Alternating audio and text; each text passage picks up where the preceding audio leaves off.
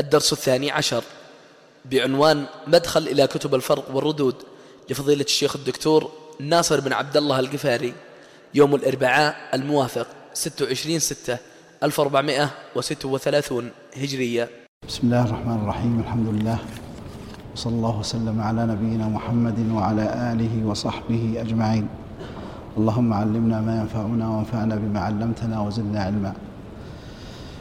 هذا الدرس موضوعه كما تعلمون هو مدخل إلى كتب الفرق والردود.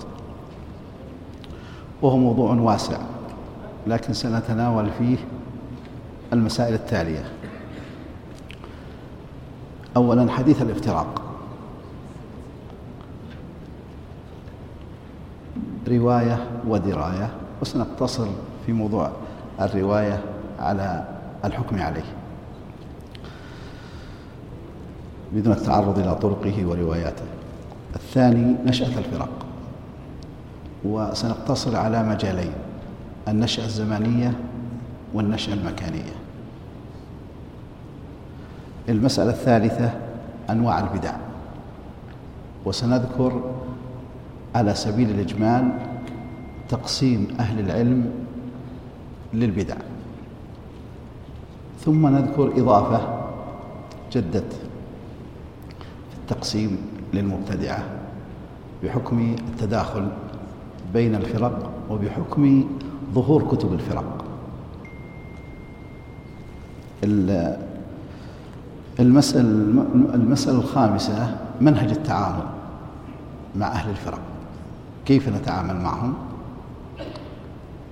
وأخيرا التعريف الموجز بأهم كتب الفرق.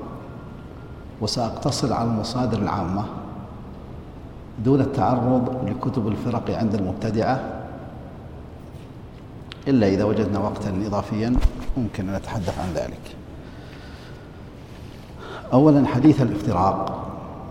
بالنسبة لرواياته فإن من أهل العلم من لا يرى صحة حديث الافتراق أصلا. أعني بحديث الافتراق حديث افترقت هذه الأمة افترقت اليهود على إحدى وسبعين فرقة وافترقت النصارى على ثنتين وسبعين فرقة وافترقت هذه الأمة على ثلاث وسبعين فرقة.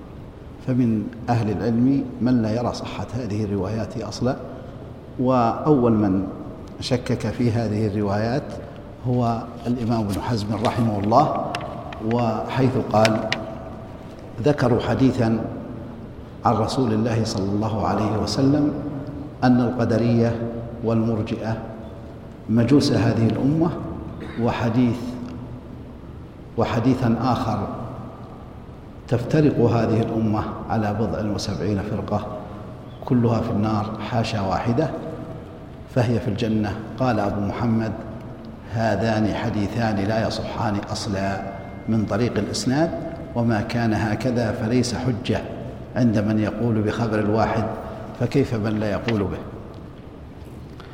لكن جماهير أهل العلم على القول بصحة الحديث. لكن ينبغي أن نبين ما الذي يعنونه بالأحاديث الصحيحة منه لأن هناك قسم من أحاديث الافتراق حكموا عليها بالوضع. وهناك قسم من حديث الافتراق شككوا في الزيادة التي فيها.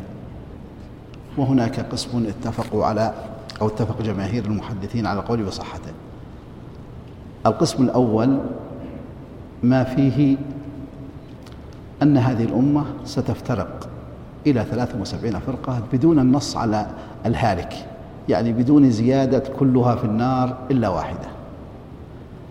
هذه أخرجها غالب أصحاب السنن أخرجها أبو داود والترمذي وابن ماجه أخرجها أخرجها أحمد وغيرهم وحكم جماهير أهل العلم على القول بصحتها. قال شيخ الإسلام ابن تيمية رحمه الله حديث افتراق الأمة إلى 73 فرقة حديث صحيح مشهور في حديث صحيح مشهور في السنن والمسانيد. وقال المقبلي في العلم الشامخ حديث افتراق الأمة إلى 73 فرقة رواياته كثيرة يشد بعضها بعضا بحيث لا يحصل ريبة في حاصل معناها. القسم الثاني ما فيه زيادة كلها في النار إلا واحدة. من المحدثين من رأى أن هذه الزيادة لا تصح. ومن هؤلاء الإمام الشوكاني رحمه الله ذكر ذلك في فتح القدير. قال وأما زيادة كلها في النار واحدة كلها في النار إلا واحدة فلا تصح لا مرفوعة ولا موقوفة.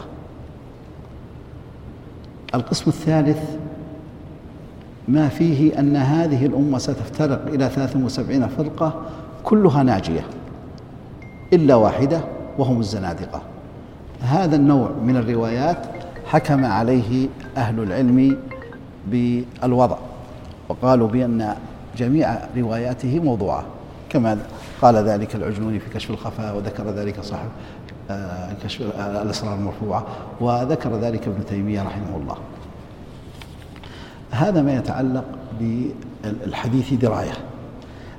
أما بالنسبة للحديث من حيث المعنى أو من حيث عفوا من حيث الدراية الأول رواية. فإن فإنا سنقف على بعض المسائل في معناها. المسألة الأولى وهي في غاية الأهمية أن هذه الفرق عند أئمة السلف ليسوا بخارجين عن الإسلام فهم ضمن فرق الأمة.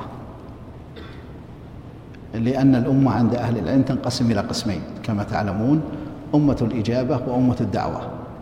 أمة الإجابة وهم الذين استجابوا لرسول الله صلى الله عليه وسلم وأمة الدعوة هم عموم الكافرين. هؤلاء المقصود الأمة المذكورة في الحديث هي أمة الإجابة. فكلهم داخلون في أمة محمد صلى الله عليه وسلم وكلهم من المسلمين. لكن منهم الم... لكنهم يعدون من المبتدعة. المسألة الثانية قوله افترقت هذه الأمة إلى 73 فرقة. هل هذا العدد مقصود؟ وأن الأمة ستفترق إلى هذه إلى هذا العدد أم هو على سبيل التكثير؟ قال بعض أهل العلم إن هذا العدد لا مفهوم له وإنما ذكر على سبيل التكثير. وقال بعضهم إن العدد مقصود وأنها ستصل إلى هذا الحد ولا تزيد. لكن إذا افترقت هذه الأمة لكن نص الحديث أو ظاهر الحديث يدل على أن العدد مقصود لأنه قال افترقت اليهود على إحدى وسبعين. وافترقت النصارى على ثنتين وسبعين. وافترقت وستفترق هذه الأمة إلى ثلاث وسبعين. إذا العدد مقصود وإلا لم يذكر هذا التسلسل. هذا الذي يظهر أن العدد مقصود. المسألة الثالثة هل إن من من العلماء أو من الباحثين في المقالات من حاول أن يذكر عدد الفرق وكأن الفرق انتهت إلى عصره. وأقدم من تحدث عن ذلك وحكم على هذه الفرق هما إمامان. الأول يوسف بن أصباط والثاني عبد الله بن مبارك فقد قال يوسف بن أصباط رحمه الله إن أصول الفرق أربع. الشيعة والمرجئة والقدرية والخوارج. ثم قال كل فرقة من هذه الأصول الأربع افترقت إلى ثماني عشرة فرقة. والمجموع اثنين وسبعين. والمجموع اثنتان وسبعون فرقة الناجية منهم الثالثة وهي ما كان عليه ما كان عليه الصحابة رضوان الله عليهم ما كان عليه الرسول صلى الله عليه وسلم وأصحابه. أو قيل هي الجماعة كما جاء في رواية الحديث. وعبد الله بن مبارك رحمه الله قال أصول البدع أربع أو أصول الفرق أربع وذكر نفس الأصول الأربعة الخوارج الشيعة القدرية المرجئة. قال الشيعة انقسمت إلى 22 إلى 22 فرقة. والخوارج انقسموا إلى 21 فرقة. والقدرية انقسمت إلى ست عشرة فرقة. والمرجئة انقسمت إلى ثلاثة عشرة فرقة.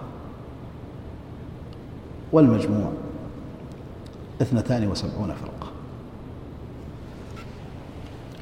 والحق أن الفرق تتوالد والزمن ممتد ولا يمكن حصر الفرق في هذا الزمان بالثلاث والسبعين فرقة لأن الزمن ممتد والفرق تتوالد وأيضا آه، لا يمكن الحكم على أن هذه الفرقة من الثلاث والسبعين ولا ليست من الثلاث والسبعين.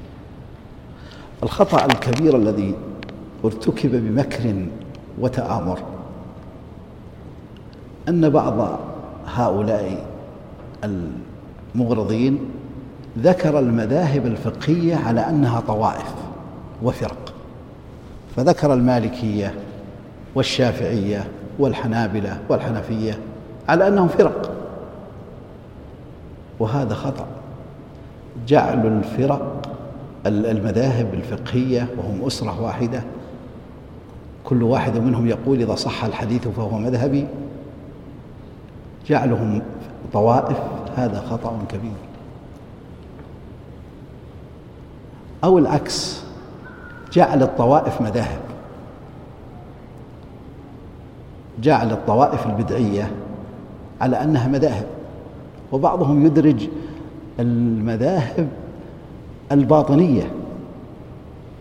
ضمن الطوائف الباطنية التي أجمع أهل العلم على كفرها وأن ظاهر مذهبهم الرفض وباطنه الكفر المحض. يدرجها ضمن المذاهب. وقد أنشئت قبل سنين دار في القاهرة اسموها دار المذاهب الإسلامية. وقد زرتها عام 1399 هجرية. فوجدتها موصدة الأبواب وليس فيها أي نشاط. وكانت قد أصدرت مجلة اسمها مجلة الإسلام. والذي أنشأها هم الروافض في أرض الكنانة. قد حدثني أحد الباحثين أنهم ينوون نشر الرفض من خلال هذا المركز. وقال هذا الرجل الباحث إنه عثر على تقرير يقول إن أرض الكنانة وأرض مصر بيئة خصبة لنشر المذهب الرافضي آه، لأسباب منها وجود حب أهل البيت في قلوب المصريين وكل الناس يحبون أهل بيت الرسول صلى الله عليه وسلم المحبة الشرعية. والثاني وجود المشاهد أهل البيت والثالث الحقبة الإسماعيلية التي كانت. والغريب في الأمر وهم يريدون أن ينشروا هذا المذهب أن أنهم يقولون في مصر مقالات لا يقولها رجل يخشى يخاف الله والدار الآخرة. حتى قالوا مصر لعنت على لسان سبعين نبيا. انتحوا السكنى في مصر فإن سكناها يورث الدياثة. وقالوا في مكة وقالوا في المدينة مثل هذه الأقوال. وقالوا في الشام وقالوا في غيرها. و لدي بحث في هذا الموضوع عن أقوالهم في أمصار المسلمين. المسألة آه، في فقه الحديث وهو أن هذه الفرق ينبغي أن أن تتوجه إليها الدعوة. أن الرد ينبغي أن يتوجه إلى دعوتهم إلى الحق بالحكمة والموعظة الحسنة. أمر أيضا مهم أن أكثر هذه الفرق الآن لا وجود له تلاشى واندثر. من يراجع مثلا كتب الملل والنحل يجد أنهم يذكرون فرقا كثيرة. لكن هذه الفرق إذا بحث عنها لم يجد ولذلك صنفت صنفت هذه الفرق أربعة أصناف. فذكرت الصنف الأول قلت فرقة انقرضت اسما وعقيدة مثل غلاة القدرية الذين ينفون العلم. هؤلاء كما نص ابن حجر انقرضوا من زمن ولم يعد لهم وجود. أيضا طائفة الهشامية أتباع هشام بن الحكم. الذين قالوا بالتجسيم قال شيخ الإسلام تيمية أول من قال إن الله جسم هشام بن الحكم وهو من الرافضة. أيضا هذه الطائفة اندثرت لا لها وجود. وليس لمذهبها أيضا آه، ظهور وانتشار. كذلك اليونسية أتباع يونس بن عبد الرحمن القمي. والهشامية أيضا أتباع هشام بن سالم الجواليقي. كل هذه الفرق اندثرت اسما واندثرت مذهبا. وإن كان الروافض يدافعون عن هؤلاء الأقزام. عن الروافض المعاصرين مثل آه، صاحب كشف الارتياب فإنهم يدافعون عن هؤلاء الأقزام ويرون يقول شيخهم محسن الأمين إن هؤلاء من رجالاتنا أو من رجالنا وهم صحيح العقيدة وأثبات وثقات. القسم الثاني فرقة انقرضت اسما وبقيت عقيدة. آه، هذه الطائفة انقرض اسمها هذه الطوائف انقرض اسمها لكن بقيت عقائدها مبثوثة في الفرق. ومن أمثلة ذلك المعتزلة. المعتزلة يرى أحمد أمين أنها اندثرت وهو مقلد لبعض المستشرقين أنها اندثرت ولم يعد لها وجود. والصحيح أن عقائدها باقية. وهي موجودة وورثت معظم عقائدها آه، الزيدية والخوارج أو الأباضية وطائفة الاثنى عشرية. كذلك السبائية انقرض اسمها لم يعد لها وجود لكنها موجودة في داخل الاثنى عشرية.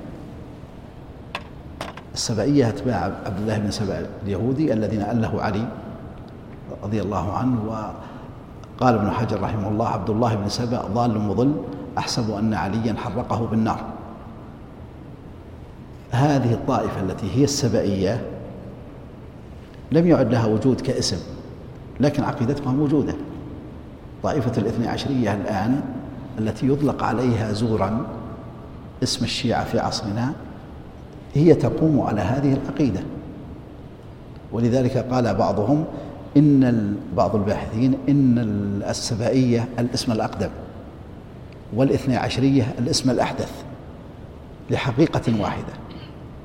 فهم يؤلهون عليه. مثلا في كتاب الكافي الذي هو توراتهم ودستورهم وأهم كتاب لديهم فيه في أبوابه وفي نصوصه تأليه لعلي رضي الله عنه.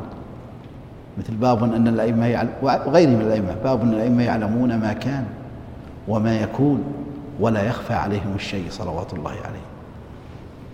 الذي يعلم ما كان وما يكون ولا يخفى عليه. هو الله جل وعلا. باب أن الأئمة إذا شاءوا أن يعلموا علموا. فعلمهم مرتبط بمشيئتهم. والفرق الباطنية أيضا تقوم على تأليه علي. مثل الإسماعيلية الآن أصل عقيدتها تأليه الأئمة. لكن الغائب على كثير من الناس أن طائفة الاثنى عشرية هم سبائية. لأن الشائع أن السبائية أو الغلاة هم طائفة باطنية حسب اصطلاح السلف. لكن الطائفة الآن القائمة والموجودة يطلق عليها اسم الشيعة هم باطنية وهم سبائية ولذلك فإن شيوخهم يجاهرون بهذا طائفة من شيوخهم يجاهرون بهذا بهذا الغلو. حتى قال أحدهم يدعى إبراهيم العامل يقول له أكثر من عشرين مؤلف منها فقه الإمامية يقع في مجلدين. يقول أبا حسن أنت عين الإله وعنوان قدرته السامية وأنت المحيط بعلم الغيوب فهل يعزب عنك من خافية؟ وأنت مدير رحى الكائنات وعلة إيجادها الباقية. لك الأمر إن شئت تنجي غدا وإن شئت تسفع بالناصية. إذا السبعية اندثرت اسم فقط. لكنها عقيدة موجودة وقائمة. القسم الثالث فرقة انقرضت عقيدة وبقي اسمها فقط أو بقي الاسم يطلق على غير مسماها. هذه الفرقة هي طائفة المفضلة الذين يفضلون عليا على عثمان.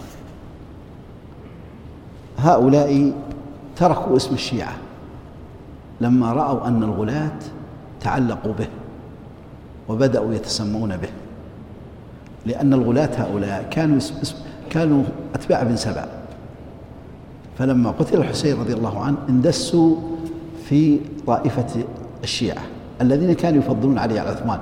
كان يسمى شيعي من يفضل علي على عثمان وعثماني من يفضل عثمان على علي. ومسألة المفاضلة بين علي وعثمان ليست من المسائل التي ضلل فيها المخالف.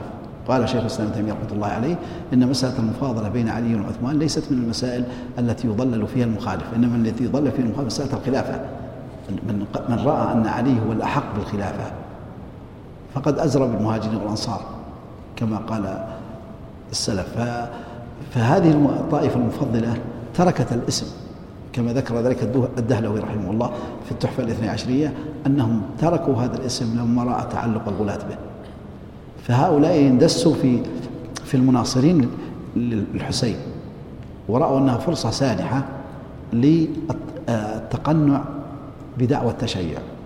ولذلك ما ظهروا إلا لما خرج زيد بن علي رحمه الله على هشام بن عبد الملك سنة إحدى وعشرين ومائة أو اثنتين وعشرين مائة فقاموا وسألوه عن قوله في أبي بكر وعمر فأثنى عليهما وترضى عنهما وقال ما علمت عنهما إلا خيرا هما وزير جدي وإنما خرجت على إلى آخر كلامه.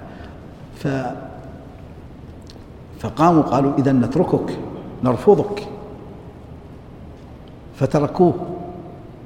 ولم يتبعوه فسموا رافضة وسمي من بقي مع زيد زيدية فالزيدية ليسوا برافضة ومن يدخل الزيدية في الرافضة فهو مخطئ سوى طائفة واحدة انتسبت إلى الزيدية وليست من الزيدية وهم الجارودية أتباع بالجارود الأعمى الرافضي فإن هؤلاء روافض ليسوا من الزيدية بأي حال ولذلك فإن الرافضة يضعونهم ضمن فرقهم. والزيدية يتبرعون منهم. وهم عن الرافضة يلعنون الزيدية ويكفرون الزيدية. حتى جاء في رجال الكشي يقول لي جار ناصبي يعني من السنة حسب تصنيفهم. ولي جار زيدي على أيهما أتصدق؟ قال الزيدية هم النصاب. الزيدية هم النصاب. وفي بروتوكولاتهم ونصوصهم أن مهديهم يقوم بقتل عموم الزيدية. ولذلك فإن مبدأ ولاية الفقيه الذي يقوم فيه الفقيه بالولاية والنيابة عن المهدي يقوم بهذه المهمة ومنهم ومنها قتل الزيدية. وذلك ما يجري ما جرى في العراق من قتل من قتل وما يجري في اليمن وما يجري في الشام هو تنفيذ لمبادئ ولاية الفقيه. ولهذا مجال آخر للحديث عن هذا الموضوع. القسم الرابع فرقة بقيت اسما وعقيدة.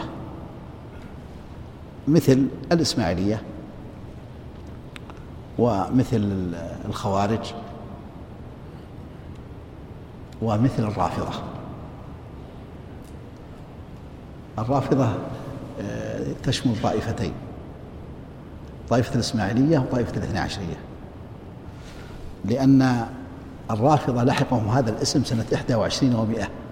أو اثنتين وعشرين ومئة لما خرج زيد بن علي على هشام كما قلنا.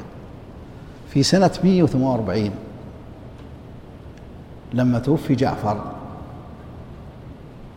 انقسم هؤلاء الروافض إلى قسمين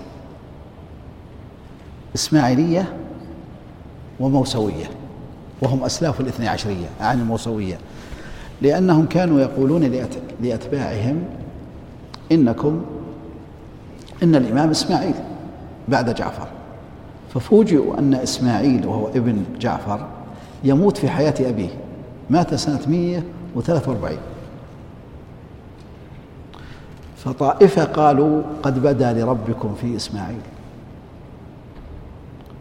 وهؤلاء هم الموسوية أسلاف الاثنى عشرية التي تسمي في عصرنا بالشيعة وهم شيعة إيران وشيعة العراق.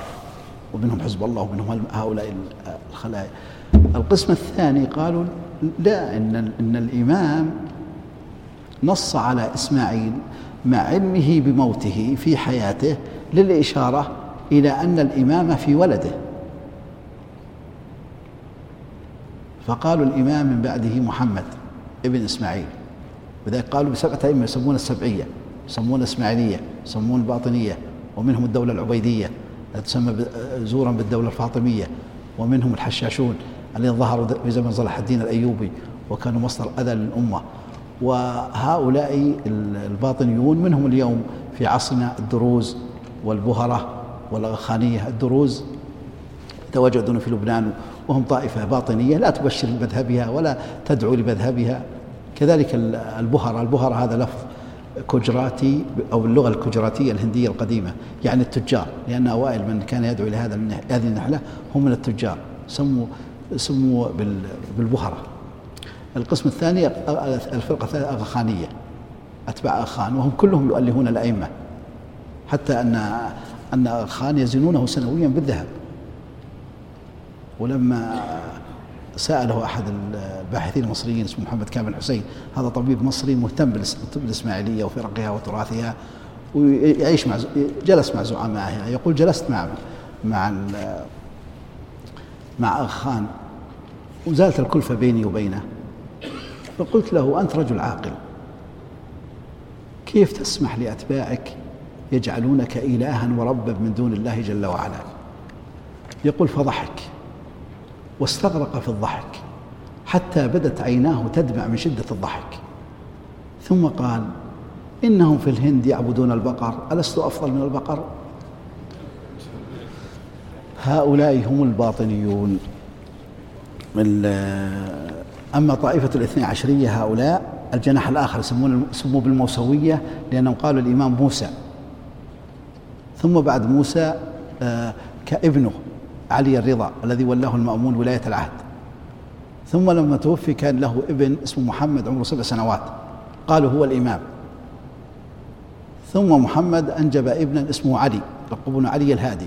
قالوا هو الإمام بعد ابنه يسمون الأول محمد الجواد. لما مات علي يلقبون بعلي الهادي قالوا بإمامة ابنه الحسن.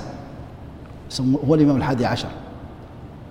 لما مات الحسن عقيم احتاروا وافترقوا إلى خمس عشرة فرقة كما يذكر النبختي أو إلى أربع عشرة فرقة كما يذكر القمي. حتى منهم من قال تبين لنا أن هذه الدعاوى كلها كاذبة وليست صحيحة. ومنهم من قال إن له ولد اختفى خشية أن يقتله بنو العباس خلفاء بني العباس. ف ولكنه سيخرج بعد ست قالوا ست سنوات. مضت الست سنوات ولم يخرج. قالوا سيخرج بعد خمس وعشرين سنة. مضت الخمس والعشرون سنة ولم يخرج. قالوا سيخرج بعد سبعين سنة.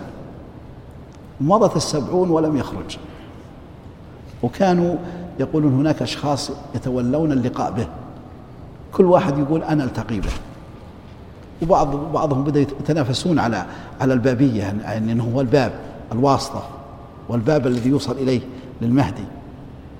بدأوا يتنافسون لأنه يأخذون الفلوس من الناس والأموال من الناس لأنها خمس الإمام خمس أهل البيت المزعوم فيأخذونه ويتلقون الأسئلة منهم. وكل واحد يقول إني أنا أنا الباب. حتى يقول الشلمغاني هذا أحد مدعي البابية. يقول كنا نتهارش عليها كما تتهارش الكلاب على الجيف بالنسبة لشيعة عصرنا اللي لقبنا بالشيعة ارتضوا أربعة. الأول اسمه عثمان بن سعيد ثم بعد ذلك تولى ابنه محمد ثم بعد ذلك تولى شخص اسمه آه النبختي كان يمارس التقية المضاعفة. يضحك على السنة يتظاهر بها مع السنة وأنه سني والرابع السمري لما بدأوا يتنافسون وخشوا الفضيحة قال قالوا لماذا نقصر الأمر على باب واحد؟ كلنا أبواب. وكلنا بإمكاننا نأخذ الخمس ونأخذ الأوقاف. حتى لا يشعر الأتباع بأننا نخدعهم فأخرجوا تو يسمونه توقيع. بانقطاع الحج وأما أنا حج وأما رواة حديث آه، أخرجوا توقيع يقول يعلن فيه انتهاء الصلة بالباب المباشرة. يقول ارجعوا في ذلك إلى عموم الفقهاء أو قال إلى رواة حديثنا فإنهم حجتي عليكم وأنا حجة الله. هذه يسمونها الغيبة الصغرى امتدت قرابة سبعين سنة. بعد جاءت ما يسمونه بالغيبة الكبرى اللي قالوا فقط اللي أعلن السمريين كلهم نواب كلهم أبواب كلهم وسائط. بدأوا يأخذون الأموال ويأخذون الخمس. طالت عليهم الأزمنة. بدأوا يشكون في الأمر. يعني إلى متى؟ حتى يقول شيخهم آه، ابن بويه القمي اللي يلقبونه بالصدوق وهو الكذوب. في كتاب إكمال الدين رأيت أكثر المترددين عليه من الشيعة في نيسابور قد داهمهم الشك في أمر الغائب وطول غيبته.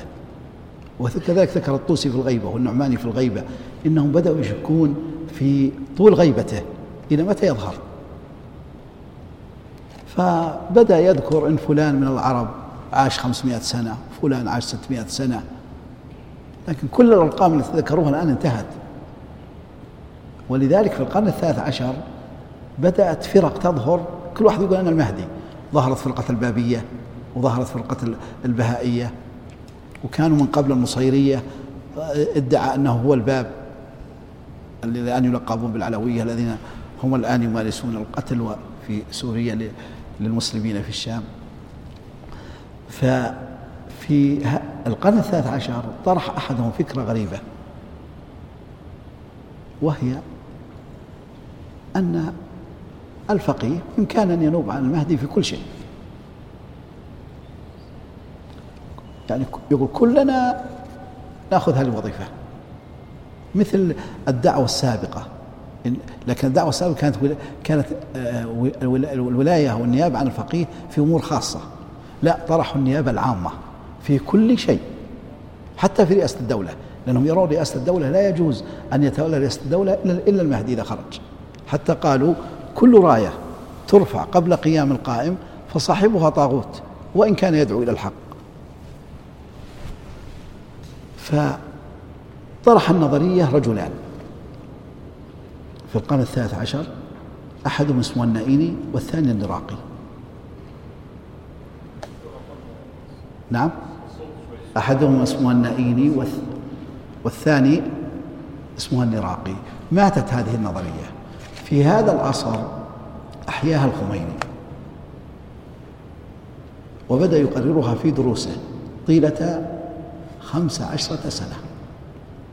ووجد فيه المستعمل ضالته.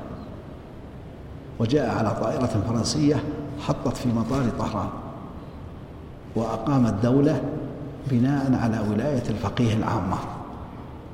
وقال يجب أن نصدر يعني نقوم بمهام المهدي في كل شيء وأكثر الناس لا يعرفون معنى النيابة عن المهدي. سيرة المهدي سيرة لو استطردنا قليلا ثم نعود إلى أصل الموضوع. سيرة المهدي عندهم سيرة دموية. حتى قالوا سأذكر نماذج مما سيفعله المهدي إذا خرج. والفقيه الآن أعطوه حق النيابة عنه في كل شيء. إذا سيفعل فعله وسيقوم بمهمته. من أعماله يقولون ذبح العرب سواء كانوا سنة أو شيعة. قالوا ما بيننا وبين العرب إلا الذبح. وقالوا إنه بعث بالجفر الأحمر وهو القتل. قال الراوي إن في العرب شيعة. قال إنهم وإن كانوا شيعة لكنهم غير صادقين في تشيعهم ولذلك لا يثبتون عند التمحيص وذلك تلاحظون لما قامت ثورة الخمينية قاتل الشعب العراقي ثمان سنوات بسنته وشيعته وقتل من الشيعة ربما ضعف ما قتل من السنة. ولم يوقف الحرب إلا اضطرارا حتى قال إنه إن إيقاف الحرب بمثابة شرب السم بالنسبة له. من أيضا من أعمال وبروتوكولات المهدي هدم المسجد الحرام وهدم المسجد النبوي بدعوى أن هدم المسجد سيرده إلى أساسه وهدم المسجد الحرام يرده إلى أساسه. ومن أعمالهم قتل الحجاج والمعتبرين حتى أنها أمنية عندهم وقد فعلوها من قبل على يد القرامطة. يقول نصهم في كتاب البحار كأني بك يا حمران بن أعين ويا ميسر بن عبد العزيز تخبطان الناس بأسيافكما بين الصفا والمروة. من الذي يقتل يقتل بين الصفا؟ إلا سوى الحجاج والمعتمرين لأن لأن الساعي ما في تطوع. التطوع في الطواف. فهم يقتلون الحجاج ومن أيضا أعماله نبش قبري أبي بكر وعمر. واقرأوا إن شئتم ما هذه الأعمال في آه، كتاب بروتوكولات آيات قم حول الحرمين المقدسين وزوارهما. إذا هذه أقسام الفرق من حيث البقاء والفناء. المسألة الثانية نشأة الفرق.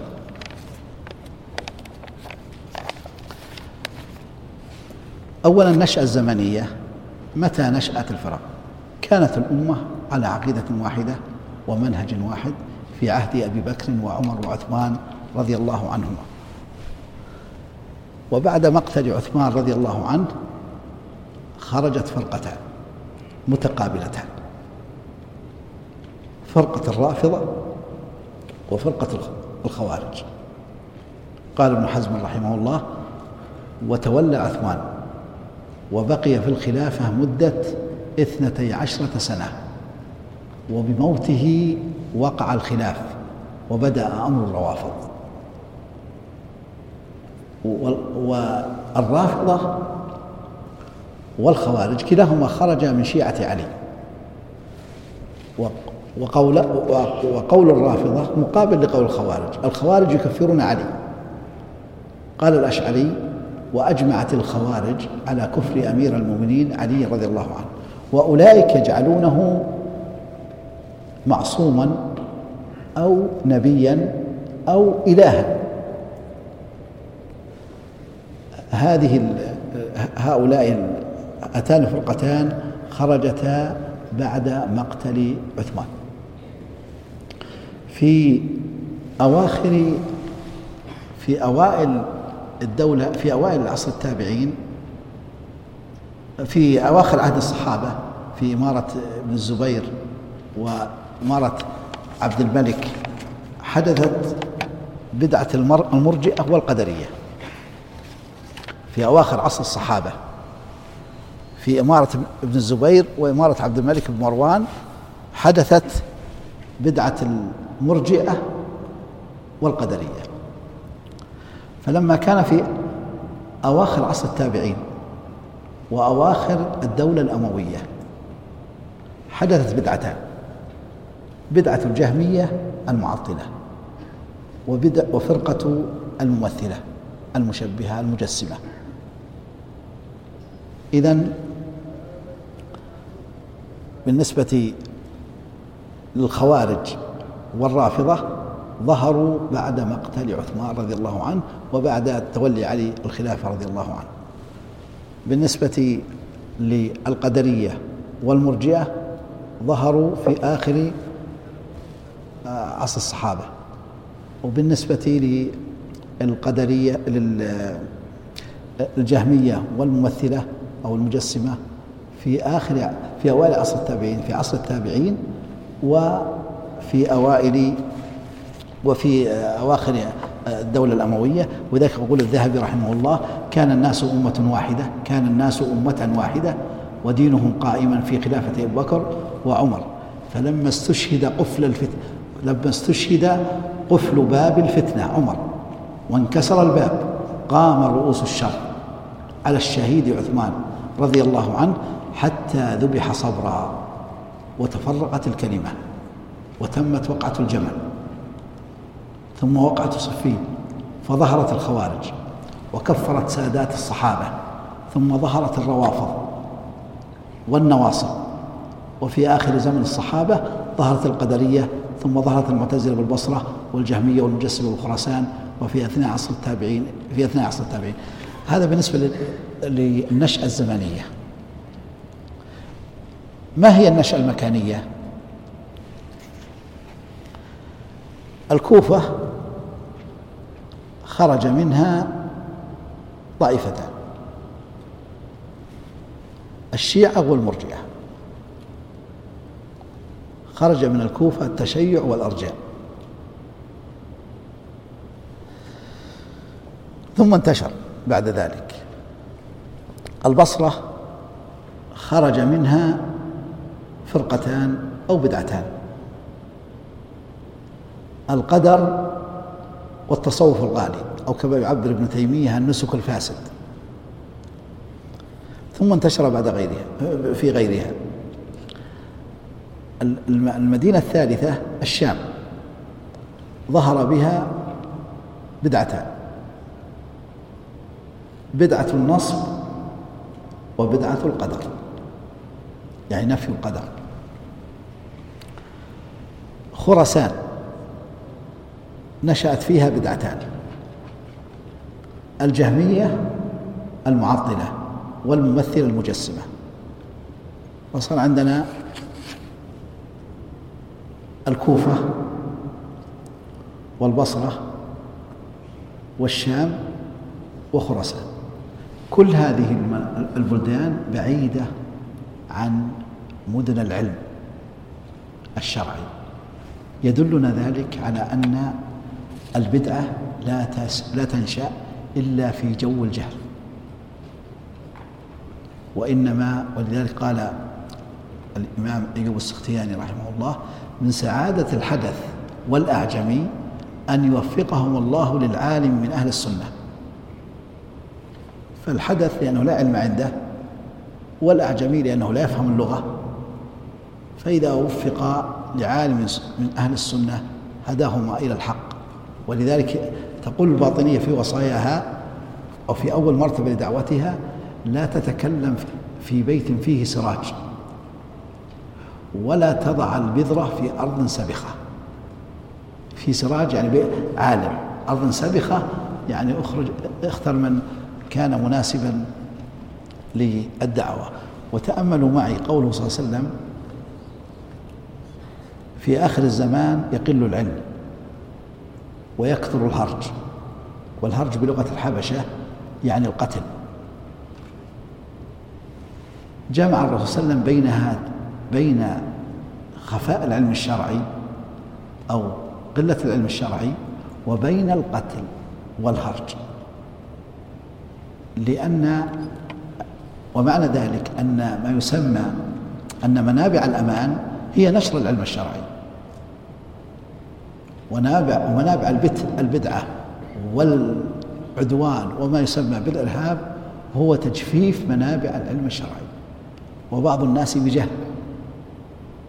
يرى أن تجفيف المنابع هو صمام الأمان وما يعلم عن منابع العلم الشرعي وما يعلم أنه كمن يصب البنزين على النار. فإن جو الجهل هو الذي تنشر تنتشر فيه البدعة. ونتوقف حينئذ ونواصل إن شاء الله جل وعلا الدرس الثاني في بقية المسائل وهي الأصول التي بنيت بنيت عليها البدع ومنهج السلف التعامل مع البدع والتعريف بأهم كتب الفرق. بسم الله الرحمن الرحيم.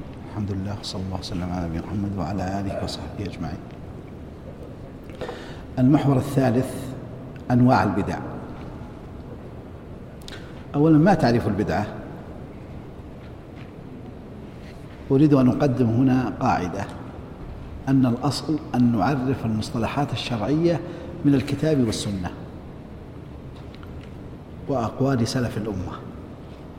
ولذلك أفضل تعريف للبدعة هو ما بينه حديث رسول الله صلى الله عليه وسلم في قوله من أحدث في أمرنا هذا ما ليس منه فهو رد فهو إحداث أمر في الدين لم يشرعه الله ورسوله. من أحدث في أمر في الدين. ما ليس منه فهو رد. بالنسبة لأقسام أو أنواع البدع أهل العلم لهم في تقسيم البدعة مناهج مختلفة. فمنهم من قسم البدعة إلى بدعة اعتقادية وبدعة عملية. بدعة اعتقادية كبدعة الرافضة والقدرية وغيرهما من الفرق الضالة. الثاني البدعة العملية وهي التعبد لله بغير ما شرع الله. إما إحداث عبادة ليس لها أصل في الكتاب ولا في السنة أو الزيادة أو النقص أو إحداث كيفية أو صفة أو وقت. مثل بدعة البناء على القبور أو الدعاء عند القبور أو البناء المساجد على القبور أو الأعياد المبتدعة. والاحتفال بها تعبد لله جل وعلا. ومن أهل العلم من يقسم البدعة إلى قسمين أيضا حقيقية وإضافية. حقيقية وإضافية. يريد بالحقيقية ما ليس له أصل في الكتاب ولا في السنة. ما لا يدل ما لم يدل عليه دليل فهي بدعة حقيقية. أما البدعة الإضافية فيريد بها ما لها أصل في الدين لكن تم الزيادة عليها أو النقص فيها. يقول الشاطبي رحمه الله البدعة الحقيقية هي التي لم يدل عليها دليل شرعي لا من كتاب ولا سنة ولا إجماع. والبدعة الإضافية هي مشروعة من وجه ورأي مجرد من وجه إذ يدخلها من جهة المخترع رأي في بعض أحوالها فلم تنافي الأدلة من كل وجه. ومن أهل العلم من يقسم البدعة أيضا إلى قسمين. كلية وجزئية. ويريد بالكلية ما يتعلق بالأصول.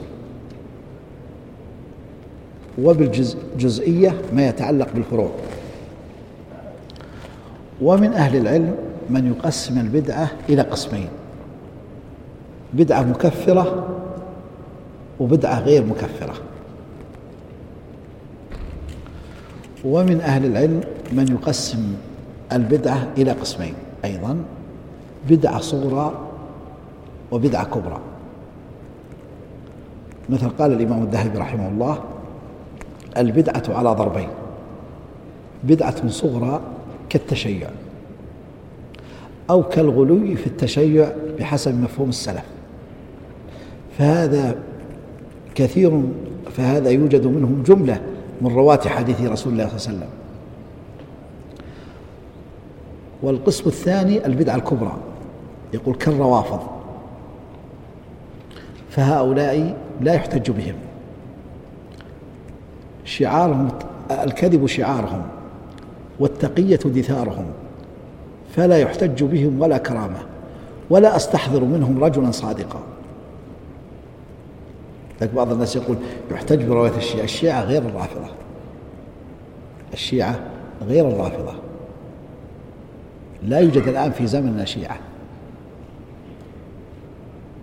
الموجود الآن ليسوا رافضة بل غلاة الرافضة. بل من غلاة الرافضة. لا يوجد التشيع المعتدل إلا في الزيدية. والزيدية في اليمن. وكان وجوههم وجودهم هو الغالب. قال الشيخ لي عبد الكريم الزنداني قبل ثلاثين سنة. وكنت أمينا في المركز الصيفي أنه لا يوجد في اليمن سوى التشيع المعتدل. هذا قبل تأثير الرافضة عليهم. والغالب على أهل اليمن التشيع المعتدل. وقال الشيخ محمد الشيخ مقبل الوادعي وهو من علماء اليمن أيضا في مقابلة أجرتها معه مجلة المجلة. إن التشيع في اليمن قد مات. يقصد التشيع الغالي. ولكن إيران تريد إحياءه بالمال. قال ذلك قبل سنين طويلة. فأحيته بالمال وأدخلته في طرق الغلو والتطرف. واستغلت طائفة غالية كانت تسمى عند السابقين بالجارودية وهم رافضة أتباع بالجارود الأعمى الرافضي. وكان وجودهم في, في اليمن قد تضاءل. واستغلت وجودهم وهم أسلاف الحوثية الذين يلقبون اليوم بالحوثية. فاستغلت وجودهم وأحيت غلوهم لاستغلالهم في تحقيق أهدافها في بسط إمبراطوريتها الكسروية إذا البدعة بحسب تعبير الذهبي تنقسم إلى قسمين كبرى وصغرى. أيضا البدعة تنقسم من حيث وجودها من حيث وجودها وانقراضها إلى أربعة أقسام بيناها لكم. نعيدها الآن بسرعة. فرقة انقرضت عقيدة واسما مثل غلاة القدرية. وفرقة انقرضت اسما وبقيت عقيدة كالمعتزلة وكالسبائية. وفرقة انقرضت عقيدة انقرضت عقيدة وبقيت اسما كالشيعة الأولى المفضلة. وفرقة بقيت اسما وعقيدة كالرافضة والخوارج والإسماعيلية. من أقسام أيضا البدع تنقسم من حيث أصولها إلى أربعة أقسام بيناها. كما في آه، القول المأثور عن يوسف بن أصباط وعن آه، عبد الله بن مبارك وهما أول من تحدث عن الحكم على الفرق. كما يذكر شيخ الإسلام ابن تيمية رحمة الله عليه فهؤلاء ولذلك لما قيل لعبد الله بن مبارك لماذا لم تذكر الجهمية ضمن الفرق؟ لما قال أصول الفرق أربع الشيعة والخوارج والقدرية والمرجئة فقيل له لماذا لم تذكر الجهمية؟ قال إنما ذكرت فرق المسلمين الجهمية ليسوا من المسلمين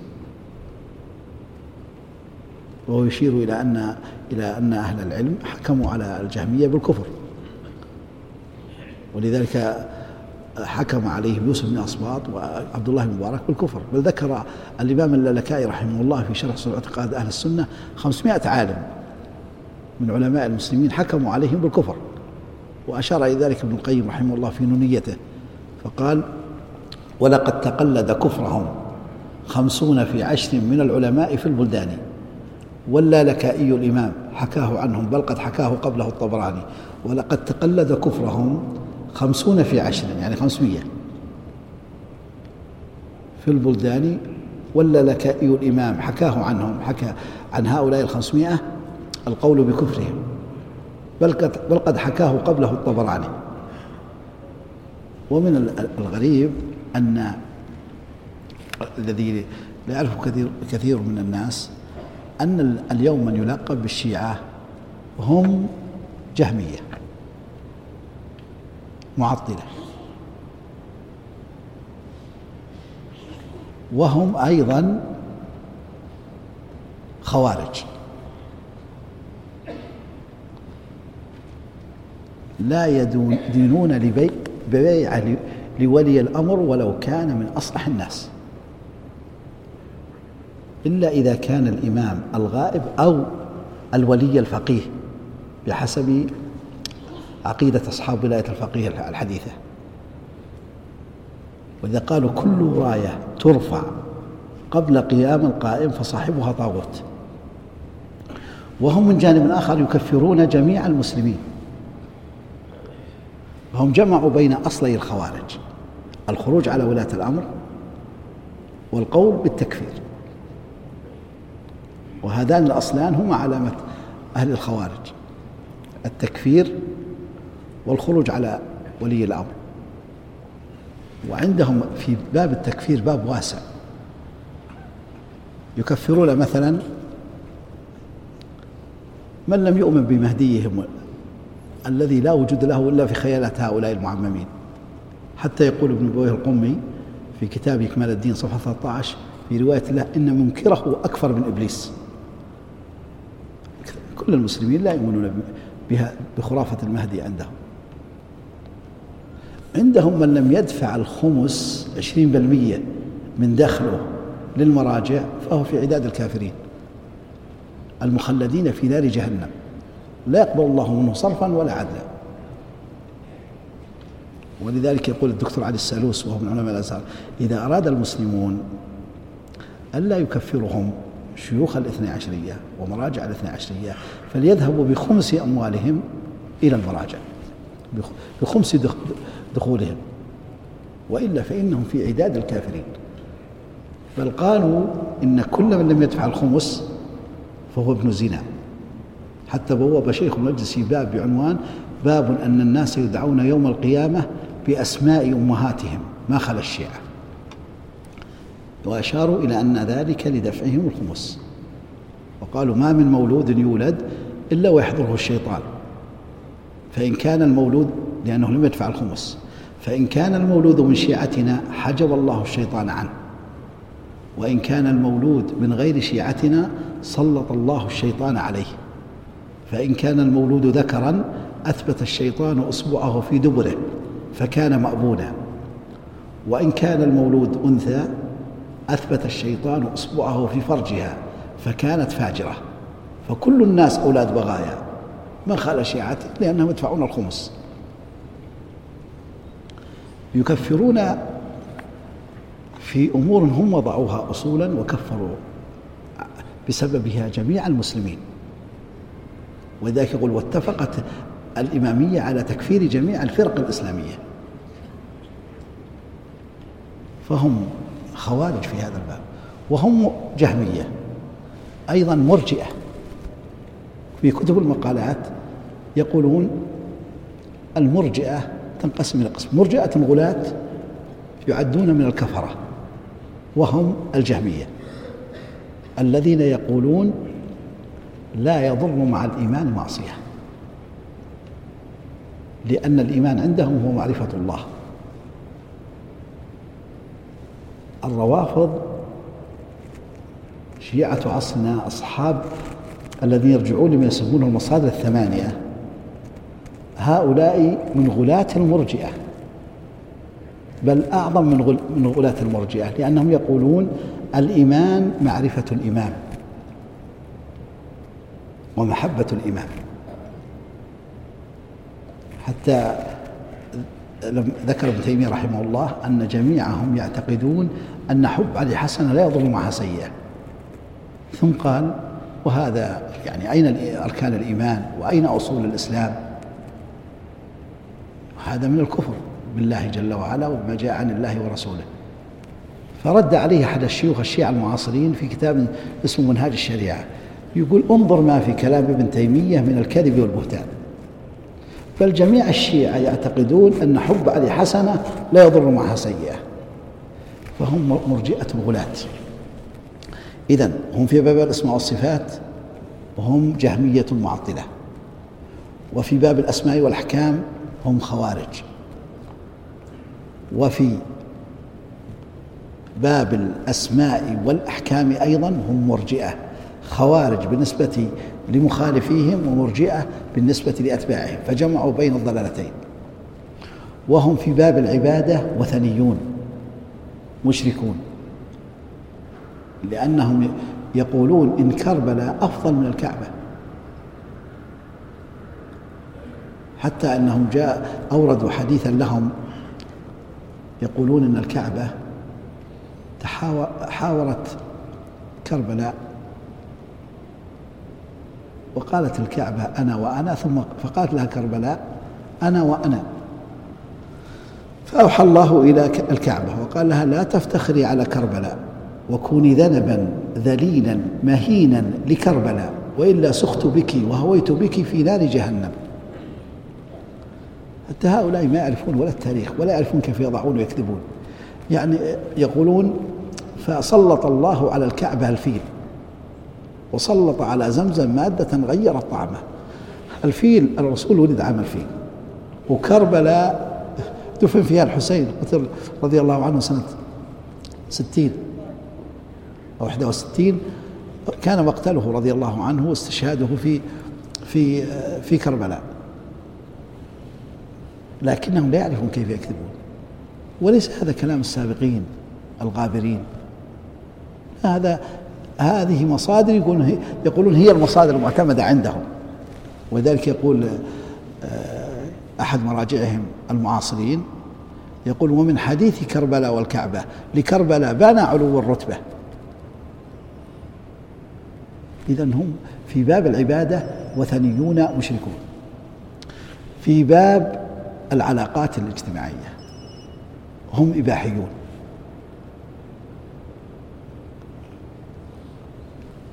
بعض الناس يقول أن الشيعة يقولون أن المتعة لم تنسخ. القضية ليست قضية المتعة التي نسخت أو لم تنسخ. هذه إباحة المزدكية إباحية المزدكية الموجود عندهم هي الإباحية المزدكية. وذلك يقولون هم يرون أنها من دينهم بل من أصول دينهم. يقولون لا ليس منا من لم يؤمن برجعتنا ويعمل بمتعتنا. يعني يرون أنه خارج من دينهم. ومن لم ينغمس في هذه الرذيلة وهذا البغاء وهذه الإباحية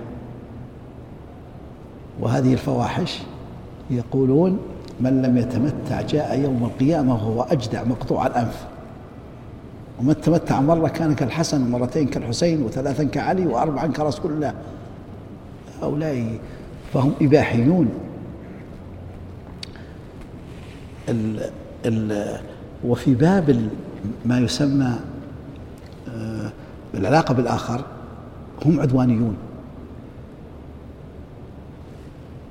إرهابيون يستحلون دماء المخالفين ويستحلون أموالهم. يقول الشوكاني رحمه الله لا أمانة لرافضي قط على من يخالف وهو من علماء اليمن وعرفهم يعني هو يقصد الجارودية اللي هم أسلاف الحوثية. يقول لا أمانة لرافضي قط على من يخالفه على من يخالفه في دينه ومذهبه ومعتقده بل إنه يستحل دمه وماله عند أدنى فرصة تلوح له. وفي نصوص لهم يقولون آه، لولا أننا نخشى أن يقتل الواحد منكم إذا قتل واحدا منهم لأمرناكم بقتلهم جميعا ولكن عليكم بالغيلة عليكم بالغيلة عليكم بالغيلة عليكم بالإغتيالات. وفي زمن هارون الرشيد تسلل أحد هؤلاء الروافض ويدعى علي بن يقطين إلى أن اغترت به خلافة اغتر به الخليفة واغتروا به المسلمون فوضعوه وزيرا للرشيد واختار أن يكون وزير أو مسؤول عن السجون أو ما يسمى بوزارة الداخلية في عصرنا فماذا صنع؟ قتل في ليلة واحدة خمسمائة مسلم. ولم تذكر هذه الجريمة مصادر أهل السنة لأنه استخدم طريقة خفية لا يعلم بها كثير من الناس أو لا يعلم بها أحد سوى أتباعهم. قام وأخلى السجن من جميع أتباعه. ثم والذي يروي هذا الكلام ما أهل السنة لا أنفسهم يروي ذلك شيخهم نعمة الله الجزائري يقول فقام وأخلى المحبس من جميع ما فيه وأوعز من جميع فيه من أهل السنة فلم يبق به سوى المخالفين فأوعز إلى غلمانه بهدم المحبس على من فيه فماتوا عن بكرة أبيهم وكان عددهم خمسمائة. يقول ثم ذهب إلى المسؤول عن الخلية يقول إنه الامام ونبرئ ينسبون لأهل البيت نبرئ أهل البيت من هذه الجرائم. يقول فقال له لماذا لم تستاذني أما وأنك لم تستاذني في قتلهم فاذبح عن كل واحد منهم تيس. عاد يعلق هذا شيخ نعمة الله الجزائري يقول انظر إلى هذه الدية الجزيلة على سبيل السخرية انظر إلى هذه الدية الجزيلة التي لا تساوي دية أخيهم اليهودي. ولا تساوي دية أخيهم النصراني ولا تساوي دية أخيهم المجوسي. يعني أن دية المسلم لا تساوي لا دية اليهودي ولا النصراني ولا المجوسي. وانظروا حادثة التتار ماذا صنعوا؟ قتلوا ما يقارب مليون مسلم من ضمن منهم أهل البيت. وانظروا أيضا ما صنعوا في العراق قتلوا يقتلون وفي الشام يقتلون. دينهم القتل مذهبهم الإرهاب. والعدوان. فهم في هذا الباب عدوانيون وتفصيل معتقدهم في هذا يطول. المهم أنهم جمعوا كما يقول شيخ الإسلام تيمية أخص المذاهب الجهمية والإرجاء والحرورية الخوارج ودين الوثنية الوثنيين المشركين. وذاك لما سئل الشيخ إبراهيم رحمة الله عليه هل للرافضي شفعة؟ قال رافضة هذا الزمان وثنيون مشركون ولا شفعة لكافر على مسلم. وهذا معروف. أنت حتى عند علماء المسلمين وسيأتي الحديث عن الحكم على هذه الطوائف وعلى هذه الفرق في آخر إن شاء الله الدرس. بعد ذلك الأصول التي بنيت عليها البدع. ممكن أن أن تقسم الأصول إلى أربعة أو خمسة أقسام. باب الأسماء والأحكام باب الأسماء والصفات باب أفعال العباد باب الإمامة والصحابة. باب أسماء الأحكام باب الأسماء والأحكام. هذا هذه مسألة يسميها علماء العقيدة بمسألة الأسماء والأحكام يعني اسم الفسق المليين وأصحاب الكبائر اسمهم في الدنيا وحكمهم في الآخرة. ولذلك يسمونها بمسألة الأسماء والأحكام. ويرى ابن تيمية رحمه الله أنها أول مسألة وقع فيها الخلاف في الأمة. وظل فيها فريقان متقابلان. ظلت فيها الخوارج الوعيدية الغلاة وظلت فيها المرجئة الجفاة. شبهة الخوارج أخذوا بنصوص الوعيد وشبهة المرجئة أخذوا بنصوص الوعد والإسلام يؤخذ بكامل نصوصه وأهل السنة أخذوا بنصوص الوعد والوعيد. في باب الأسماء والصفات ظلت فيه فيه طائفتان أهل التعطيل من الجهمية والمعتزلة وغيرهما وأهل التجسيم كاليونسية والهشامية أتباع هشام بن الحكم والهشامية أتباع هشام بن سالم الجواليقي. فأولئك أعني المعطلة إذا أحسن فيهم الظن أعملوا عقولهم أو أخذوا بنصوص التنزيه. فنفوا عن الله جل وعلا صفاته بدعوى تنزيهه عن مماثلة المخلوقين. وهم درجات. أشدهم غلوا الباطنية الذين وصفوا الله جل وعلا بالنقيضين. فقالوا لا موجود ولا معدوم ولا حي ولا ميت. قالوا إذا وصفناه بالإثبات شبهناه بالموجودات وإذا وصفناه بالنفي شبهناه بالمعدومات. قال أهل العلم ففروا من تشبيه الله بالموجودات وتشبيهه بالمعدومات إلى تشبيهه بالممتنعات لأن رفع النقيضين وإثبات النقيضين كلاهما ممتنع. النقيضان عند علماء المنطق هم اللذين لا يجتمعان ولا يرتفعان كالوجود والعدم والحركة والسكون. والضدان هم اللذان لا يجتمعان وقد يرتفعان كالبياض والسواد يمكن أن يجتمعا في نقطة واحدة. ف هذا في باب الأسماء والصفات ظلت فيه طائفتان طائفة أهل التمثيل والتجسيم والتشبيه وطائفة أهل التعطيل والتجهم أولئك أعملوا نصوص غلوا في, الإثبات فشبهوا ومثلوا وأولئك عط بالغوا في النفي وغلوا في النفي فعطلوا. وأهل السنة نفوا عن الله عز وجل ما وردت النصوص بنفيه وأثبتوا ما وردت النصوص بنفيه كما قال الله جل وعلا ليس كمثله شيء وهو السميع البصير قال الإمام أحمد لا نصف الله جل وعلا إلا بما وصف به نفسه أو وصفه به رسول صلى الله عليه وسلم لا نتجاوز القرآن والحديث قال الإمام الشافعي لله أسماء وصفات لا يسع أحد جهلها فمن جهلها بعد قيام الحجة فقد كفر وأما قبل قيام الحجة فيعذر بالجهل ونصوص الأئمة في هذا كثيرا. القسم الرابع باب الثالث عفوا الثالث في أفعال العباد. ظلت فيه طائفتان. الطائفة الأولى الجبرية. والطائفة الثانية القدرية النفاة. والجبرية يسمون قدرية أيضا. لكن بق يعني مصطلح القدرية يطلق على الجبرية ويطلق على على القدرية النفاة على الجبرية الغلاة في الإثبات. وعلى القدرية النفاة. لأن القدرية الجبرية جهمية والقدرية النفاة معتزلة. لأن جهم أثر عنه أربع بدع.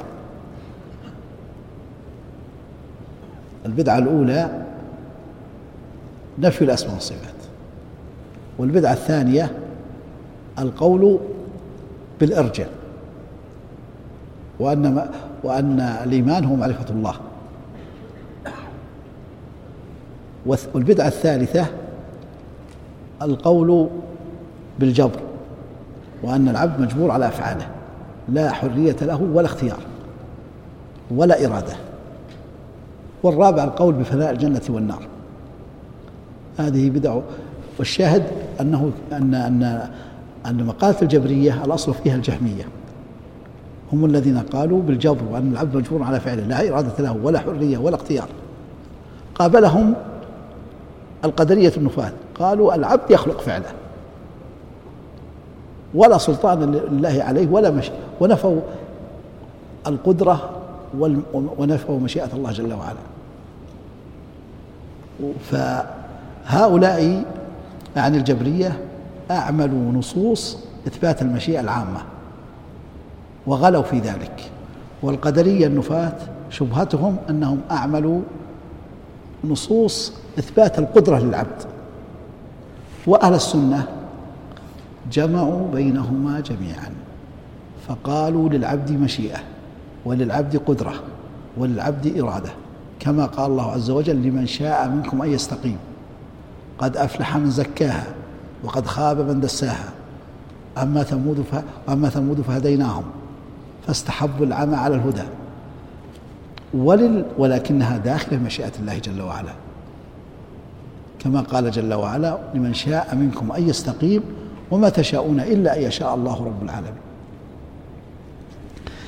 في باب الإمامة والصحابة أو في باب الصحابة ظلت طائفتان الطائفة الأولى النواصب الذين عادوا أهل بيت الرسول صلى الله عليه وسلم والروافض الذين كفروا صحابة الرسول صلى الله عليه وسلم. وهذا كفر. قال الإمام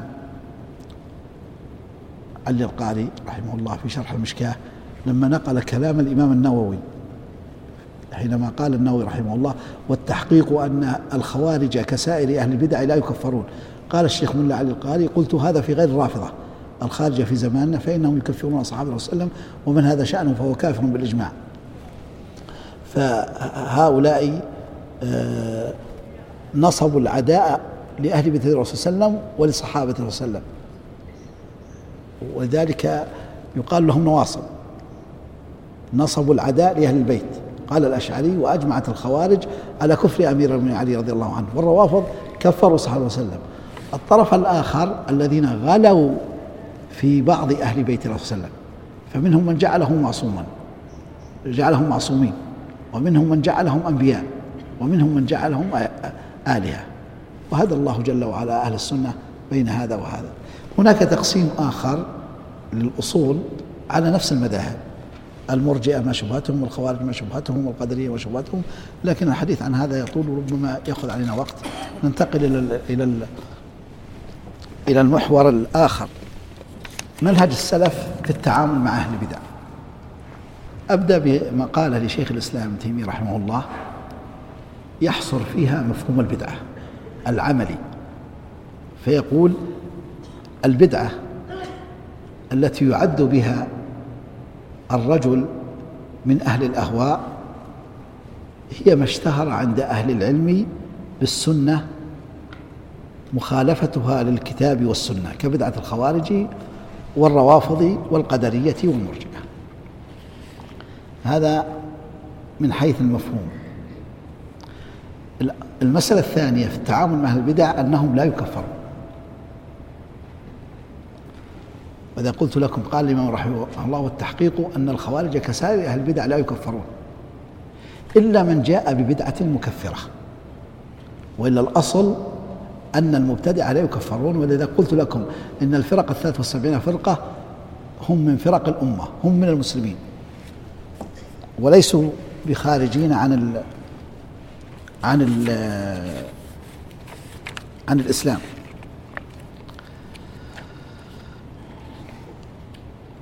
المسألة يقول الإمام النووي رحمه الله أن المذهب الصحيح المختار الذي قاله الأكثرون والمحققون أن الخوارج لا يكفرون كسائر أهل البدع.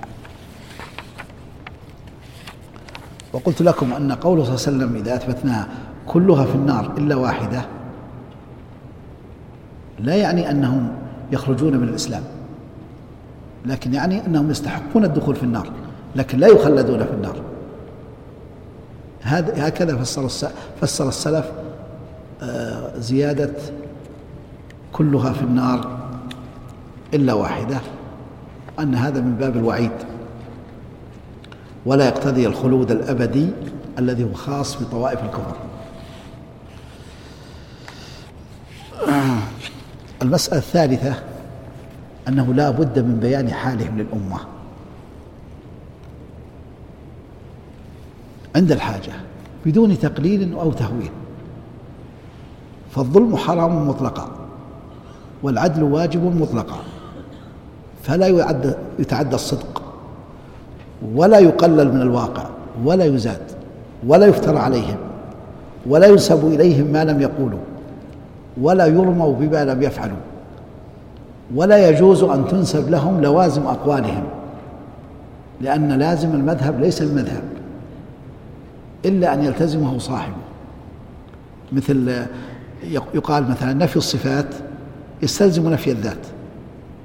فلا يجوز مثلا نقول إن المعتزلة أو إن الجهمية ينفون وجود الله جل وعلا لأن نفيهم بالصفات يستلزم نفي الذات لأنه لا يتصور وجود ذات مجرده عن الأسماء والصفات.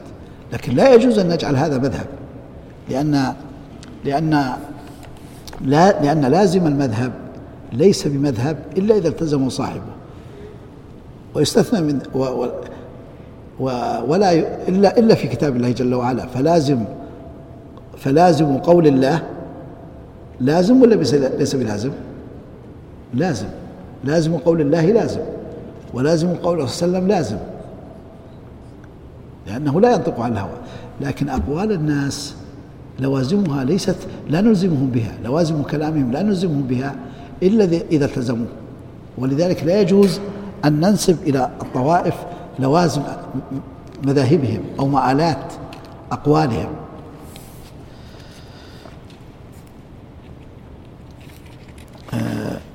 المسألة الرابعة أنه لا بد لرمي الرجل بأنه مبتدع من تحقق أصلين. وهذا حتى في الكفر يعني في مسألة التكفير التبديع التفسيق. لا بد من تحقق أصلين. الأصل الأول قيام الدليل المقتضي للتكفير أو التبديع أو التفسيق من كتاب أو سنة أو إجماع. وليعلم في هذا الباب أن الكفر نوعان أكبر وأصغر والنفاق نوعان أكبر وأصغر أو اعتقادي وعملي والبدعة ضربان مكفرة وغير مكفرة أو كبرى وصغرى. ولذلك مثلا جاء في النصوص ما نصوص تدل على الكفر الأكبر ونصوص تدل على الكفر الأصغر. ما يدل على الكفر الأكبر؟ قول الله عز وجل قل يا أيها الكافرون. هنا المراد به الكفر الأكبر. والكفر الأصغر كما قال صلى الله عليه وسلم ثنتان في أمتي هما بهم كفر. الطعن في الأنساب والنياحة على الميت. وقال صلى الله عليه وسلم قتال المسلم فسوق. سباب المسلم فسوق وقتاله كفر. سباب المسلم فسوق وقتاله كفر.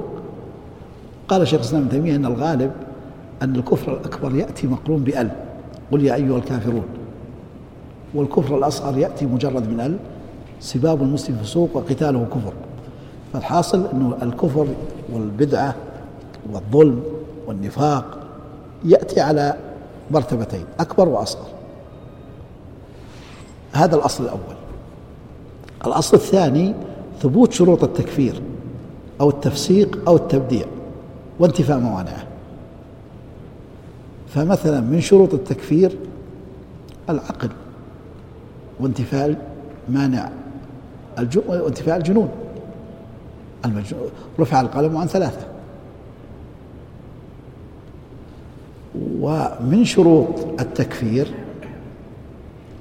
القصد أن يكون هذا الكلام الذي هو يحكم عليه بأنه من المكفرات قد صدر منه عن قصد ونية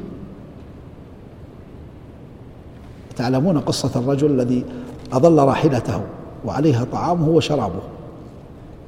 ثم استلقى تحت شجرة ينتظر الموت.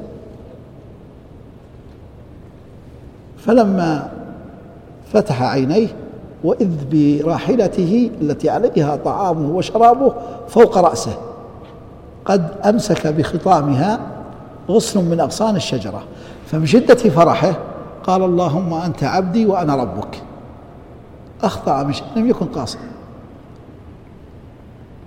كذلك من من الشروط أيضا آه، العلم وانتفاء الجهل ومن فروعه بلوغ الحجة وفهم الحجة. إلى آخر هذه المسائل. فالحاصل أن أنه لا بد لرمي الرجل بالابتداع من قيام أصلين. قيام الدليل الشرعي المقتضي للتبديع ثبوت شروط التبديع وانتفاء موانعه وهذان أصلان أساسيان مهمان في الحكم بالتبديع أو التكفير أو التفسيق. الأمر السادس لا بد من بيان الحق لهم بإبلاغهم السنة وتبصيرهم بالبدعة فإن كثيرا من هؤلاء الضالين وأصحاب الفرق يظنون أنهم على الحق. فلا بد من بيان الحق لهم بالحكمة والموعظة الحسنة. قال شيخ الإسلام ابن تيمية رحمه الله لأن ذلك من الجهاد في سبيل الله وكلما جد أئمة السنة يقول ضعفت البدعة وكلما ضعف من يقوم بنون النبوة قويت البدعة. قال عبد, المبارك عبد الله بن المبارك إذا خفيت السنة ظهرت الأهواء. الأمر السابع وجوب العدل معهم. وعدم ظلمهم. فإن الظلم كما قلنا حرام مطلقا والعدل واجب مطلقا ولذلك قد أخذ سلفنا الصالح بهذا المبدأ مع المبتدعة. يقول ابن تيمية وأهل السنة يستعملون معهم العدل والإنصاف ولا يظلمونهم فإن الظلم حرام مطلقا. بل أهل السنة لكل طائفة من هؤلاء يعني من طوائف البدع خير من بعضهم لبعض. بل هم للرافضة خير وأعدل من بعض الرافضة لبعض. وهذا ما يعترفون به ويقولون أنتم تنصفوننا أكثر مما ينصف بعضنا بعضا. وقد حدثني الشيخ صالح بن منصور رحمه الله كان قاضي في المنطقة الشرقية أنهم يختارون قضاة السنة. وذكر لي قصة في إحدى في من قضاياه رحمه الله أنه مثل عنده متداعيان. أحدهما رافضي أو أو كلاهما لا أدري نسيت. النسيان مني. فالشيخ من القرائن أدرك أن أن أن أحدهما كاذب لكن الآخر ليس لديه بينة. لإثبات حقه. فتوجهت اليمين إلى المدعى عليه. والشيخ في قرارة نفسه وفي ولكن القاضي لا يحكم بعلمه. كما هو المشهور أدرك أنه ليس بمحق. فقال له قبل أن تؤدي اليمين أطلب منك أن تبرأ من علي وفاطمة والحسن والحسين. إن كنت كاذبا. قال لا أبرأ. وكان من قبل يريد أن يؤدي اليمين. فأهل السنة يتحرون العدل. ولذلك جاء في ليس هذا كلام الخصوم. بل في كتبهم يقرون بذلك. وقفت على نص في الكافي. يقول أحدهم إني رجل من أهل فارس. أتعاطى التجارة. ويكثر عجبي. من أقوام يتولونكم. يعني من من هؤلاء الرفض لهم لؤم وزعارة وفي رواية ودعارة وقلة وفاء. وأقوام لا يتولونكم يعني من من عموم المسلمين أو من أهل السنة. لهم صدق ولهم وفاء ولهم عدل. فقال لا عتب على أولئك. ولا ثواب لهؤلاء. فإن من دان بإمامة إمام ليس من عند الله فليس له في الآخرة نصيب. فهم يقرون بعدل أهل السنة ووفائهم. الأمر السابع أنه تشرع مناظرتهم عند الحاجة. مناظرة تقطع دابرهم. يقول شيخ الإسلام ابن تيمية رحمه الله في درء تعارض العقل والنقل فكل من لم يناظر أهل الإلحاد والبدع مناظرة تقطع دابرهم لم يكن أعطى الإسلام حقه. فالراد على أهل البدع مجاهد حتى كان يحيى ابن يحيى يقول الذب عن السنة أفضل من الجهاد. وقد ناظر ابن عباس الخوارج فرجع منهم قرابة أربعة ألاف.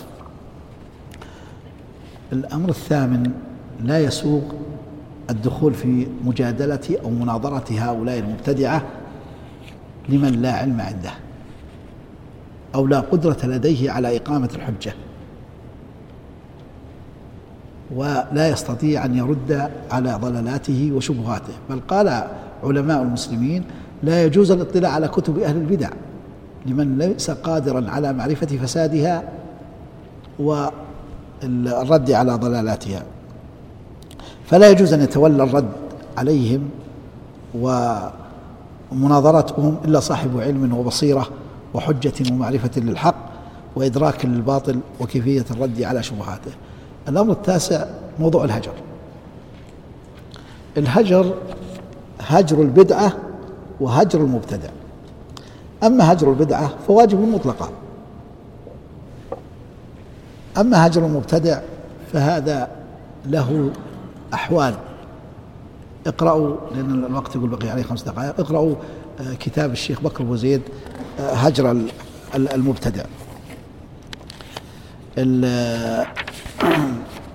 أيضا المباهلة تشرع بعد بيان الحق للمبتدع آه، لكن لا بد من أمرين. أولا إقامة الحجة قبل المباهلة على المخالف قبل مباهلته. والثاني أن يصر على باطله بعدما تبين له الحق.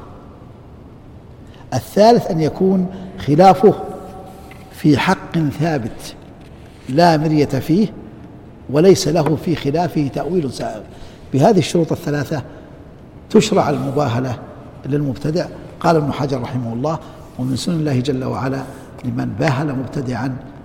وكان هذا المبتدع مبطل أنه لا يمضي على مباهلته سوى فترة قصيرة ويموت. يقول رحمه الله وقد وقع لي ذلك فقد باهلت بعض الملاحدة فلم فلم يمضي على مباهلتي له سوى شهرين حتى مات. وقد ناظر الشيخ ملا علي التسري عالم الهند القادياني الكذاب غلام ميرزا غلام القادياني وقال في نهاية المناظرة قال القادياني أسأل الله أن أن يموت الكاذب منا في حياة صاحبه بمرض كالطاعون. فبعد ثلاثة عشر شهرا وعشرة أيام وقع للقادياني ما استفتح به ومات بهذا المرض الذي دعا على نفسه به. أما الشيخ ثناء الله تسري فقد بقي بعد وفاة هذا القادياني أكثر من أربعين سنة. المحور الأخير فيها بكتب الفرق سأقولها على سبيل أقدم كتاب للفرق وأهم كتاب للفرق هو كتاب مقالات الإسلاميين لأبي الحسن الأشعري. اسمه مقالات الإسلاميين واختلاف المصلين. له كتاب آخر لكنه لم يصل إلينا مقالات غير الإسلاميين. وله كتاب ثالث أيضا لم يصل إلينا جمل أقوال الموحدين والملحدين. لكن هذا الكتاب والذي قبله لم يصل إلينا والحديث عن هذا الموضوع الآن آه، في كتب كثير كتاب التنبيه والرد للملطي حققه الشيخ صالح الدخيل رحمة الله عليه وأظنه قد طبع. ها؟ أقول كتاب التنبيه والرد للملطي أيضا من أقدم الكتب وقد حققه الشيخ صالح الدخيل رحمة الله عليه. كتاب الفرق بين الفرق لعبد القاهر البغدادي أيضا من من أهم الكتب وهو يعرض المذاهب ويرد عليها. أيضا الفصل لابن حزم في الملل والأهواء والنحل وقد حققه أكثر من واحد. من أكثر الكتب تنظيما أو من أكثر مصادر الملل والنحل تنظيم كتاب الملل والنحل للشهرستاني. عفوا. أي كتاب الملل والنحل للشهرستاني وهناك كتاب آخر اسمه الملل والنحل لعبد القاهر البغدادي وأكثر الناس لا يعرف الثاني لأن الشهرة لكتاب الشهرستاني. أما الملل والنحل لعبد القاهر البغدادي فهو غير مشهور. الفرق بين الفرق للبغدادي له مختصر اسمه مختصر الرسعني. أيضا اختصر واعتمد على كتاب البغدادي عبد القاهر الاسفرايني في كتابه الذي سماه التبصير في الدين. وتمييز الفرقة الناجية من الهالكين. آه الكتب كثيرة والوقت الآن آه شوفوا كتبوا للإخوان يقول انتهى الوقت لكن بقي أن أذكر الكتب كتب الردود كثيرة. من أفضلها بالنسبة للرد على الرافضة كتاب منهاج السنة النبوية لابن تيمية. والحديث عن خصائص هذا الكتاب وميزات هذا الكتاب ومنهج شيخ الإسلام في الرد ليس الوقت لا يسمح بالحديث عنه لكن أتحدث عما لم يذكر في في الكتب. من خلال دراستي لكتاب منهاج السنة النبوية ومن خلال دراستي لكتاب لكتب الرافضة رأيت أن ابن تيمية رحمه الله لم يطلع على كثير من كتب الروافض. فأهم كتاب عند الرافضة هو كتاب أصول الكافي. لم يطلع عليه ابن تيمية بدليل أنه لم يذكره وبدليل آخر أنه يذكر مقالات موجودة في هذا الكتاب يقول حدثني بعض الثقات يقول مثلا حدثني بعض الثقات أن فيهم يعني في الرافضة من يرى الحج إلى المشاهد أفضل من الحج إلى بيت الله الحرام فيفضلون الشرك على التوحيد. وهذا من أعظم الكفر بالله وهذا من أعظم الكفر بالله جل وعلا والإيمان بالطاغوت. هذا الكلام اللي يقوله شيخ الإسلام أنه حدثه فيه بعض الثقات. هذا موجود في الكافي في أبواب وموجود في البحار في ثلاثة أجزاء عنوانه كتاب المزار. وذكر صاحب الذريعة أكثر من ستين كتاب في هذا الموضوع. في كتابه الذريعة لتصنيف الشيعة. بل كتاب الكافي لم يطلع عليه آه، لم يطلع عليه عبد القاهر البغدادي في الفرق بين الفرق ولم يطلع عليه قبل ذلك آه، صاحب المقالات الإسلاميين أبو الحسن الأشعري لأن أبو الحسن الأشعري عاش في بغداد توفي رحمه الله سنة 324 صاحب الكافي توفي سنة 329 بينهما معاصرة زمنية ومكانية. ومع ذلك لم يعلم بهذا الكتاب ولم يطلع عليه. كذلك من بعده الشهرستاني ابن حزم. لم يعلم بهذه الكتب الخطيرة بحسب اطلاعي إلا في القرن العاشر. ولم يعلم بها المسلمون. أول من أخبرنا عن هذه الكتب عالم سني يعيش في إيران. اسمه مخدوم الشيرازي. قال ومن ضلالاتهم أنه أخرجوا كتبا سموها الكتب الأربعة. وهذه الكتب لا يعرفها المسلمون. هم الآن استقلوا عن المسلمين بمصادر يسمونها المصادر الأربعة. يسميها الدستور الإيراني سنة المعصومين. وألحقوا بها مصادر أربعة متأخرة. تم اعتمادها في العصر الصفوي. وما بعده؟ ولذلك يقول الكوثري لا يمكن الحديث مع هؤلاء أو التفاوض معهم إلا إذا أقروا ببطلان هذه المصادر. فهذه مصادرهم وهذه كتب دينهم ليست من كتب المسلمين. ولذلك يقول الشيخ محمد أبو زهرة الإمام محمد زهرة رحمه الله عن كتاب الكافي وصاحبه الذي هو أعظم كتاب عندهم وأهم كتاب. يقول في كتابه الإمام الصادق صفحة 440 يقول إن الشيعة يرون أن هذا الكتاب هو أعظم الكتب وأهم مصدر. ثم يقول إن صاحبه وهو الكليني قرروا أنه يعتقد القول بتحريف القرآن ونقصه وتغييره. ونحن نقول أن من هذه عقيدته فليس من أهل القبلة ليس من المسلمين.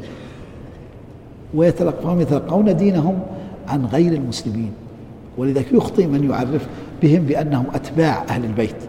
لا هذا تعريف قديم للشيعة الأوائل. هم الآن أتباع المجلسي والكليني والنوري. تدرون من هو النوري؟ الذي جعله كتابه الكتاب الثامن مما يسمونه صحيح الإمامية النوري هذا هو صاحب كتاب فصل الخطاب في إثبات تحريف كتاب رب الأرباب. يلقبه آه، آه، محب الدين الخطيب البجوسي اللعين. هذه مصادر استقلوا بها عن الأمة. بقي الحديث عن الحكم عليهم. هؤلاء الرفض. من أعلن هذه العقائد الكفرية منهم فهو في عداد الكافرين وليس له صلة بدين المسلمين. ومن أسرها ولم يعلنها وهو يؤمن بها في الباطن فهو في عداد المنافقين. ومن انتسب إليهم واغتر بدينهم ولم يعرف حقيقتهم وكفرهم فهو في عداد المبتدعة وعليه إثم من كثر سواد البدعة. صلى الله وسلم على نبينا محمد وعلى آله وصحبه أجمعين.